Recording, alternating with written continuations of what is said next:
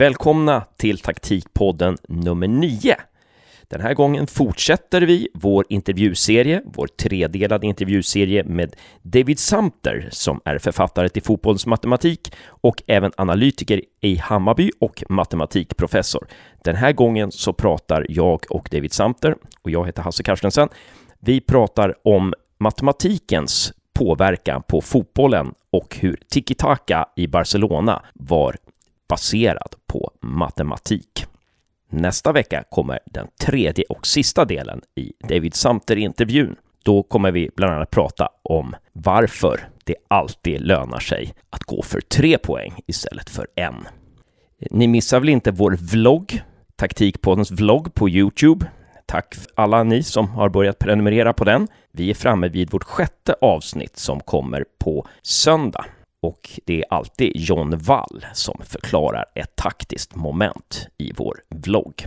Ni vet väl också att John Wall är inblandad i Game Insight Soccer tillsammans med bland annat Lars Lagerbäck och Hasse Backe.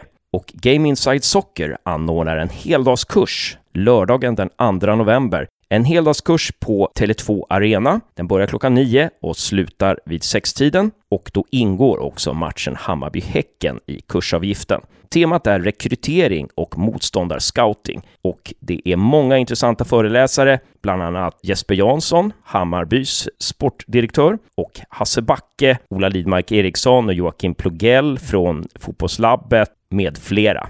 Missa inte den dagen. För mer information så gå in på Game Insight Soccer så kan du läsa mer och där ser du även hur du kan anmäla dig.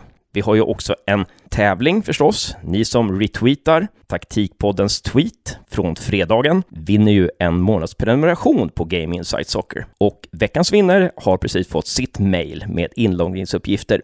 Vill du vinna en månadsprenumeration på Game Insight Soccer? Ta då och retweeta taktikpoddens tweet från den här fredagen den 18 oktober så är du med om en utlottning. Ja, det var väl allt. Nu är det dags för att lyssna på den andra delen av intervju med David Samter, en av Sveriges och törs jag säga världens mest intressanta fotbollsanalytiker och fotbollsförfattare. Håll till godo!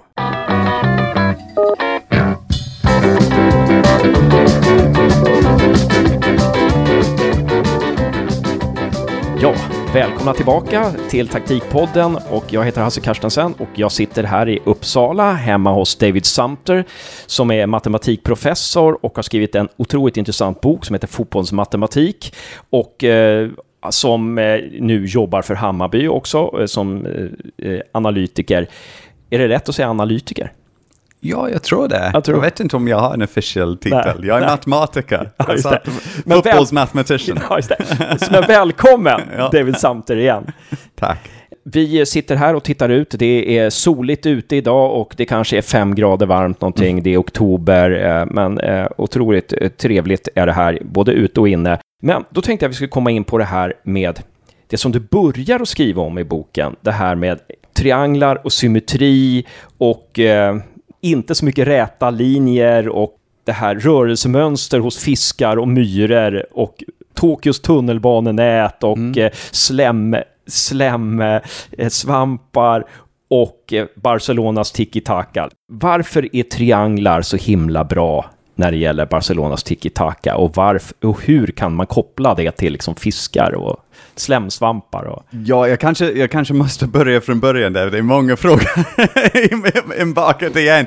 Men um, grejen är att, att matematik är en vetenskap om mönster. Så det är liksom alla olika typer av mönster. Du tog upp trianglar, man kan också tänka på mer komplexa dynamiska mönster som man säger med fågelflockar och fiskstim. Så det är en, matematik är en vetenskap som beskriver mönster. Um, och kanske när jag började skriva boken, som vi var lite inne i förra gången, jag hade inte, jag hade inte riktigt uppfattat själv att det fanns så många mönster i fotboll. Men när jag började gräva in den och träna lag först, och triangel var den första mönster som jag såg. Um, för det är precis som man vill um, uppmuntra spelarna att göra. Så jag tränade, då tränade jag, de var sju år, åtta år gammal. Och de ska inte alla jaga efter bollen helt enkelt. Det är, inte så, det är det som händer på en plan med liksom 7-8-åringar, alla jagar efter bollen fram och tillbaka. Så vi vill uppmuntra dem att sprida ut lite, och sen den första uh, form är en triangel. Om man, kan, om man har en boll, man har bollen, en spelare har bollen, då vill han spela en väggspel med en annan spelare um, och få tillbaka tillba tillbaka. Och det är en triangel. Första spelaren passa andra spelaren, springa och få tillbaka bollen i en triangel. Um, och det är precis det som man vill uppmuntra. Man gör, när man gör övningar, och det gjorde man min egen, du får läsa i boken om, jag hade GPS på min egen spelare och liksom tittade på deras rörelsemönster när de sprang runt. Och det, jag gör det mest på skojs skull, men det är samma teknik som vi använder med djur för att förstå deras rörelser. Så man börjar se hur de mönster byggs upp. Sen kan man ta upp till nästa nivå. När man, jag började med sju, barn som var sju, åtta år gammal så det är inte nästan nivå, det är liksom högsta nivå. Jag tog Barcelona 2010 och 11, deras lag som spelade så, så kallades tiki-taka fotboll. Och det ser man triangel överallt. Och inte bara det, det som var mest fascinerande, det finns i matematik, det finns någonting som heter en Voronoi diagram. Och för att bygga en Voronoi diagram, man tar alla punkter som är närmast varje spelare. Så om man tar punkter som är närmast Messi, man kan rita en liten zon runt Messi. Punkter som är närmast Xavi och Iniesta som spelade då för Barcelona, då har man en zon för de spelarna. Så varje spelare har en zon um, som han eller hon tillhör och tar kontroll över den zonen. Um, men den här Voronoi diagram, det är en diagram över zonerna. Men sen finns det någonting som i matematik heter en duality. Um, och det är en triangulation. Så nu kommer jag in i lite tekniska termer. Finns bild i boken givetvis. Men den här triangulation är en kop direkt koppling mellan olika spelare. Så man får en koppling mellan Messi och Xavi, en koppling mellan Xavi och Iniesta och en eh, koppling mellan Iniesta och, um, och Messi igen. Så det är en triangel här. Så den heter den optimal triangel.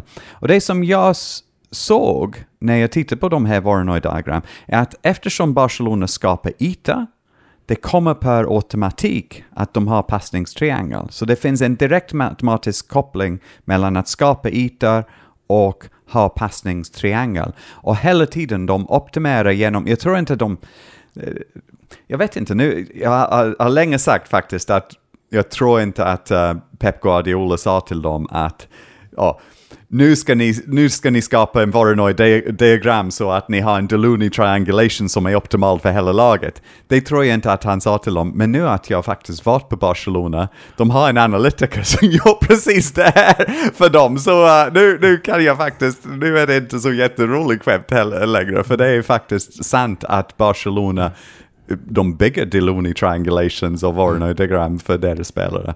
Men i alla fall, det, det som den matematisk koppling betyder att man kan, um, uh, bara genom att skapa yta, har man per automatik en bra triangulation så man kan spela tiki-taka fotboll. Mm. Hjälpa varandra hela tiden och uh, ja, skapa, skapa system, fungerande system på planen. Liksom. Och då pratar du också om en, en övning som tydligen heter apan i mitten på svenska och som heter vad sa du på engelska? Piggy in the middle. Piggy in the middle. Ja. Och som, som, som, handla, som man ofta när man var liten fick man ofta spela, när man spelade fotboll så fick man också, ja nu ska ni spela äh, apan i mitten här. En står i mitten och ska försöka ta bollen så här. Men den menar du, den är helt värdelös. Ja, den, den är en värdelös För att... Och, och det är, du säger att det finns en fotbollsplan här utanför min, jag vet, och jag blir, om jag ser någon som kör den här apan i mitten, jag blir så frustrerad. Inte, först och främst är väldigt, väldigt orättvist. Um, jag var ingen duktig fotbollsspelare som, som barn och liksom, jag tycker att det utsätter en, en ja, barn för att liksom en ska vara i mitten hela tiden. Men sen är det ingen bra fotbollsövning heller, för den skapar inte triangel. Den säger att man ska försöka passa förbi en rak linje. Så den hjälper inte så mycket med rörelse. Så istället, om man ska köra en sån, och man säger vi, vi kör dem hela tiden med, med laget och jag tror alla ska köra den, man ska köra en rondo istället. Och en enkel rondo kan man ha, och det är liksom fyra sidor, så man tar en kvadrat. Så en kvadrat är givetvis inte en triangel. Men istället för att placera en spelare på varje sida av kvadraten, man, spelar, man placerar tre spelare på kvadraten och en spelare in i mitten. Och då måste de flytta på olika sidor, så de ska hela tiden skapa triangel. Så det är en väldigt enkel övning um, som är mycket mer fotbollslik. Och det, det är inte utsätta en spelare hela tiden heller, för man oftast om man ska köra en sån övning kör man 20 passningar och sen byter man den i mitten. Man kan köra en variant där den personen i mitten ska inte ta bollen till exempel, bara sätta press och sen får man 20 passningar, sen byter personen i, i mitten. Sen kan man också köra att de kan ta bollen efter man har kört ett tag, för man vill ha en pressliknande situation. Men allting, alla övningar ska bygga upp på um, triangel på det sättet. Så om man är tränare för liksom lag som är sju, åtta år gammal, sätt ut konerna bara, kvadrat över planen, sätt in fyra spelare i varje kvadrat, en som ska vara i mitten och kör, köra olika variant. Man kan köra en touch, två touch. Um, en annan man kan köra som jag tycker är jätterolig är att den personen i mitten ska inte pressa, de ska stå så att bollen går genom deras ben, så att man ska tunnla dem. Så om man har tre spelare på kanterna, det är personen i mitten som bestämmer vart bollen ska gå genom att, att göra en, öppna upp för en tunnel. Och sen kan man passa bollen genom, genom tunneln. Så det är jättemånga varianter, så man kan köra liksom en halvtimme det på varje träning och barnen tycker att det är jätteskoj och det är precis uh, fotbollsskapande. Jättebra. Och du pratar ju mycket om att övningar, man ska skapa övningar som uppmuntrar en viss spelstil mm. också. Och att det är det Barcelona gör, att man, man övar man tränar på det så, så som man spelar helt enkelt. Det, det är det. Eh, och det kanske alla lag i eliten i alla fall gör numera. Jag vet inte. Ja, det finns... Jag alltid har lite svårt för den här frågan, för om man ska träna... Jag tror att det finns en tendens hos tränare att tro att de tränar deras barn för att de ska en dag spela i Barcelona. Vi kan komma tillbaka till den här punkten att ingen, i princip liksom rent statistiskt, ingen av de barn som du tränar kommer spela eh, ja, i allsvenskan och de kommer inte spela i La Liga. Så det är liksom en startpunkten för det. Så jag, jag tycker att man ska inte liksom, man ska inte, inte tänka så mycket på träningar som ska skapa elitspelare, men man ska tänka på träningar som skapar en lagspel där alla får vara med och att det blir roligt och att man vinner matcher på det också. Så det är viktigt. Jag tycker att, jag säger inte att man ska inte vinna, jag tycker det är ganska kul cool att vinna. Så, så det som jag menar, så om, jag, om jag gör det lite mer konkret. Um, jag gjorde en sak som var att skriva en uh, passningsnätverk. Så jag placerade ut, i förväg skrev jag ut platser för sju spelare. Det här var mest när vi spelade sju manna. Um, och sen under matchen jag ritar en streck mellan varje spelare som passar varandra. Och sen ser man vid halvleken vem har passat vem. Och istället för att bestämma matchens lirare man bestämmer den paret som har passat varandra mest, eller den positionen som har passat varandra mest, är det som är mest positiv. Och på det sättet får man ut den typen av både ett bra lagspel och helt plötsligt gör man fler mål på det också. För man koncentrerar på att liksom flytta bollen runt mellan spelarna hela tiden um, och man får en bättre spel ut av den. Så det är den typen av, jag tycker att hela tiden när man, när man tränar barnfotboll, hela tiden ska man ha någon typ av tävling i den. Um, men det ska inte vara en tävling om vem gör flest mål, det ska vara en tävling om vem gör flest passningar, vem gör minst touch. Um, en annan sak som man alltid fokuserar om, en, om man ska eh, spela tiki-taka fotboll, vem gör minst touch. Men man kan göra träningsövningar till exempel när vem, um, att man måste göra fem touch innan man passar bollen. Och det är en jättebra övning om man ska behålla bollen hela tiden. Um, så Barcelona gör, gör den typen av övning ganska ofta, att man måste behålla bollen ja, länge också. Så det handlar inte bara om passningsspelet, det handlar om att behålla bollen. Just det. Ja, spännande. Och du skriver ju också att eh, det här, det enkla är ofta det geniala. Alltså du jämför med Fiskstim och Fiskstim ja. är fotbollsspelare där, att, att eh, de agerar ganska lika då, så att när något oväntat händer liksom, så hittar de den enkla lösningen är oftast bäst där.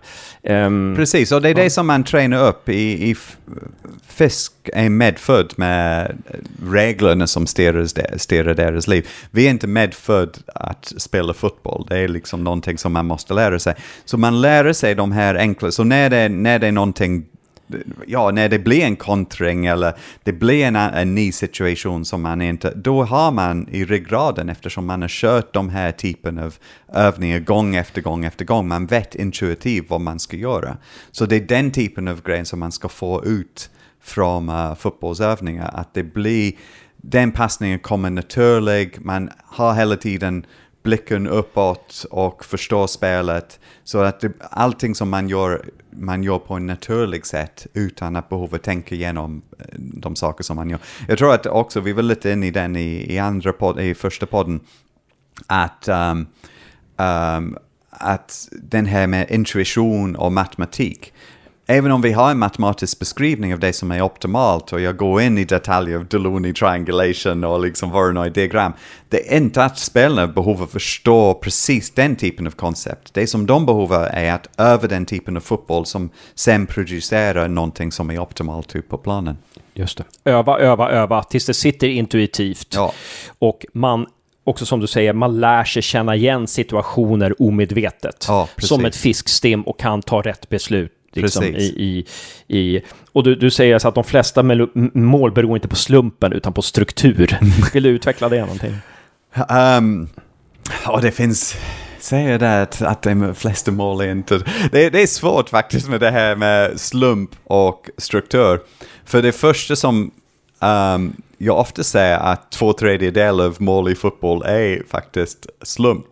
Um, och det är det, men det är därför man är på en liksom så hög nivå, så man har två lag som möter varandra, som förstår hur man spelar. Så om, ja, om jag var med i ett lag som skulle möta Hammarby till exempel, uh, lag av kompisar, de, Hammarby skulle vinna givetvis 150-0, så då, då är det ingen slump där. Men när, vi, när Hammarby möter det här är hemskt att säga in, inför derbyt, men um, när Hammarby möter Djurgården nu, det är liksom, det här är en match som är två tredjedels slump och en tredjedels skills. Så, så även om, om vi kommer in i en match som, som vi vet att, att vi har, kanske vi tror att vi har en edge med en tredjedel, då ska man fortfarande acceptera att ja, slumpen spelar en jättestor roll. Så jag tror, precis som du säger, alla mål kommer från en bra struktur. Det är inte liksom enskilda spelare som skapar, skapar mål. Så det är inte tur på det sättet. Men samtidigt när två lag som är på en väldigt hög nivå möter varandra, båda två med en bra struktur, då är det slump spelar en större och större roll. Precis. Alltså jag, jag, tänkte på det, jag såg igår, vi sitter här på tisdagen och igår spelade Djurgården borta mot Östersund mm. och Östersund tog ledning med 1-0 och Djurgården hade ju väldigt många ytor men, och, och sköt ganska mycket på Ali Keita där. Men den farligaste chansen innan man eh, kvitterade på övertid i första halvlek, det var när någon sköt via en Östersunds fot så att det blev en lobb liksom, som gick liksom, mot ribban. Eh, ja. så, och det är ju, då kan man ju säga att det är slumpen då. Å andra sidan kanske man har tränat att den här spelaren nu, vem det nu kan ha varit, eh, eh Bergkrot eller vem kan ha varit, liksom har eller Jonathan Ring kanske var, eh, har, liksom, skjuter, när han får bollen där, så skjuter han åtta gånger av tio. Mm. Och någon gång kommer någon hinna fram, få fram en fot där. Så mm det kanske både är slump och struktur. Ja, precis. Och jag, jag ställer mig ofta frågan in, i samband med Hammarby om det här med slumpen. För om vi, vi spelade oavgjort och förlorade våra första tre matcher. Och det såg vi väldigt tydligt när vi gjorde analys på det, att det var slump. Vi hade mycket mer chanser än de andra, andra lag. Lite ja, enskilda misstag och sen, sen hade vi tappat sju poäng. De sju poäng nu, om vi hade dem, då leder vi allsvenskan.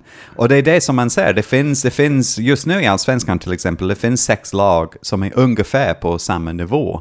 Um, så om vi vinner, ja, så då kan man kasta en tärning till exempel för att se vem kommer vinna allsvenskan ut av de sex lag. Så det är det som slumpen, slumpen finns. Och precis, om, om um, Djurgården hade tappat tre poäng borta mot Östersund, då skulle det se helt annorlunda ut i, i allsvenskan just nu. Jag tror att vi skulle vara tre poäng från dem, fyra poäng från dem, med match mot dem nu på, nu på söndag. Så det, det är så mycket, på den nivån är det så mycket um, tur som, um, som, som händer. Men problemet är givetvis om man jobbar inom, inom ett lag, man kan inte jobba med turet, man kan bara jobba med strukturen. Så all fokus måste gå på att få in en bra struktur så det är, inte, så det är oss som har den extra tredjedel som jag pratade om. Liksom den tredjedel skill det är oss som har och inte de som har. Um, så vi har en större sannolikhet att, att vinna. Ja. Hade Hammarby haft ett eh, sämre självförtroende igår, eh, då spelar man mot Örebro, ligger under med 1-0. Eh, Örebro var nära att göra 2-0, Hammarby var nära att kvittera, en boll mm. tar i stolpen. Liksom. Och då hade man haft dåligt självförtroende, där hade man kunnat deppa ihop och tänka, ha det är en sån där dag idag. Men ja. Eh, för att det var också en sån här typiskt, ja det verkar vara Örebros kväll ikväll.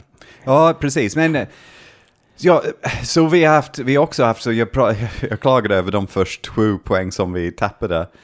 Men sen var det mycket prat i, i, början av, i början av sommar att vi hade en ganska lätt spelschema och um, att vi skulle ta alla poäng från alla matcher. Sen blev det en oavgjort mot Kalmar. Där hade vi lite tur faktiskt att vinna alla matcher i rad. Det skulle vara, um, och jag skickade uh, till ledningen sannolikhet att vi skulle vinna alla de här matcherna i rad och den låg på ungefär 0, 5% typ. Så det fanns inte så jättestor möjlighet att vi skulle vinna alla de här matcherna, för det finns alltid den här turfakten. Ja, precis. Du skriver om när Bayern München vann mot Barcelona i Champions League 2013, mm. så, så tolkar jag det som att då minskade man Barcelonas, eller man stängde av Barcelonas trianglar. Mm. Man pressade ganska högt och stängde av. Det är också ett sätt om man tänker försvarsspel, att man kan tänka att eh, minska ytor, stänga av de här trianglarna och så här. Vill du utveckla någonting? Ja, jag, jag tycker att den evolutionen, för jag också, jag är biolog eller matematisk biolog i, i grunden, den evolutionen av taktik är otroligt intressant. Så uh, Barcelona utvecklade deras tiki-taka-spel och de använde mest en 4-3-3-formation eller 4-2-3-1, det beror på hur man definierar den. Och den passade väldigt bra mot 4-4-2, för den liksom, man kan sätta den in, så den blir liksom, man har den maximala ytan mellan en 4-4-2. Men sen både Bayern München, de gjorde det på en sätt, de gjorde det liksom bara otroligt hög press att få tillbaka bollen. Och de hade spelare som var tillräckligt bra att sätta in den typen av press och vinna mot Barcelona uh, den säsongen. Men jag tycker att med den, den den taktisk utveckling som jag tycker var kanske ännu starkare kom lite senare. Och jag skrev om det i engelska versionen av Soccermatics, men det kom inte ut i den svenska versionen. Men det är Mourinhos idé att spela 5-4-1. Um, och den stänger ner tiki-taka-spel nästan totalt, totalt. Om man har Varför det? Fem, fem startbackar och de är mer centralt, så man låter, man överlåter um, den um, vingarna till motståndarlaget om man spelar en 5-4-2. Man bara sätter fem spelare in i straffområdet och fyra utanför straffområdet, så man stänger ner centralt. Och tiki-taka-spel går ut på att spela centralt. Um, så den stänger ner den. Men det är som jag tycker när man kommer till evolution, det som var så fascinerande var att, att sen så det var ett tag som, ja, tiki-taka spelet är kanske borta nu, men sen Guardiola kom med idén, okej, okay, vad ska jag göra då? Och han, det som han gjorde var att han tog in um, ehm, vänster och högerbackarna, han tog dem in mer centralt. Och sen satte han ut tre spelare på vänsterkant och tre spelare på högerkant och sen försvarade väldigt centralt. Um, och på det sättet han sträckte ut den här femformationen och sen kunde man komma in bakom, um, bakom motståndarlag. Så även om man försvarade fem spelare, man kunde komma in uh, bakom dem genom att använda tre spelare ut på varje kant och sen bara fyra centralt som, som försvarare. Så, och den, det är precis det som han kör på Manchester City just nu och det är väldigt effektivt om man tänker på alla de här mål med Sterling och Sané och Mahrez som kommer in bakom försvaret Sen boll, antingen gör de mål själv eller snett inom baket till Aguero som står där och väntar. Det, det sättet att göra mål är väldigt liksom, effektivt och det är en evolution från 4-4-2 genom 4-3-3 tiki-taka till 5 5-4-1 nu till vad jag skulle kalla, jag vet inte vad man kallar för den här formationen, det är som en 2-2-6 typ av attack som uh, Manchester City har just nu. Just det. Och det är ju viktigt när du säger det här 2-2-6 i attack liksom. Ja. För att ibland så blir, det så här, när man är lite så här, inte så bra på fotboll som, som jag, när, då, då, så tänker jag så, ha de spelar 4-4-2, men det där stämmer ju inte. Som John Wall brukar säga att, ja det där är ju oftast, när man pratar om 4-4-2 så pratar man ofta om det som en försvarssiffra egentligen mm. va? Är att man spelar olika formationer i anfall och försvar, är det inte lite så att... Precis, ja men precis. Uh, men jag skulle gå ännu ett steg längre, för jag pratar inte så mycket om formation överhuvudtaget. Så man, ja, precis, man pratar mer om en fembackslinje till exempel, är relevant när man ska försvara. Men givetvis om man kör en fembackslinje, idén är att om man kan komma upp, då kommer man upp med um, med två, de två wingbackar, de är väldigt offensiv. Um, men sen finns det också varianter uh, Uh, till exempel Sheffield nu använder en variant där de har en eh, trebackslinje men en av deras backar kommer upp väldigt stark och det såg man med uh, England under VM också. Så det finns så många varianter på de här typen av formation att det är bara en utgångspunkt för att börja diskutera det. Men det är mer vilken yta du ska ockupera och sen, sen um, Sen också är det inte bara försvar och attack, det är under okay. olika moment under matchen vilken, um, vilken plats på planen ska ockuperas av vilken spelarna och hur de ska... Så det, så det måste man använda givetvis om man ska ha det mer komplicerat än bara liksom siffror i formationen. Då måste man ha och komma tillbaka till fiskstim och fågelflockar, då måste man ha enkel regel för hur man beskriver vilken plats man ska ockupera pera. Um, så där pratar vi i Hammarby ganska mycket om olika geometrisk struktur um, som vi ska försöka hålla om i olika situationer. Så istället, så istället liksom att ja, du spelar nummer sex eh, och du spelar nummer nio, det är inte, det är inte på de, i de termerna ni pratar, utan det är på ett annat sätt. Så vi kanske pratar om de här olika numren, men det kan oftast vara så att nummer sex har gått upp och då ska, då ska liksom en vinga, en winger komma tillbaka och ta hans position till exempel. Och vilken position han ska ta i, precis som sex har gått upp och ska försöka göra mål, gått in i straffområdet.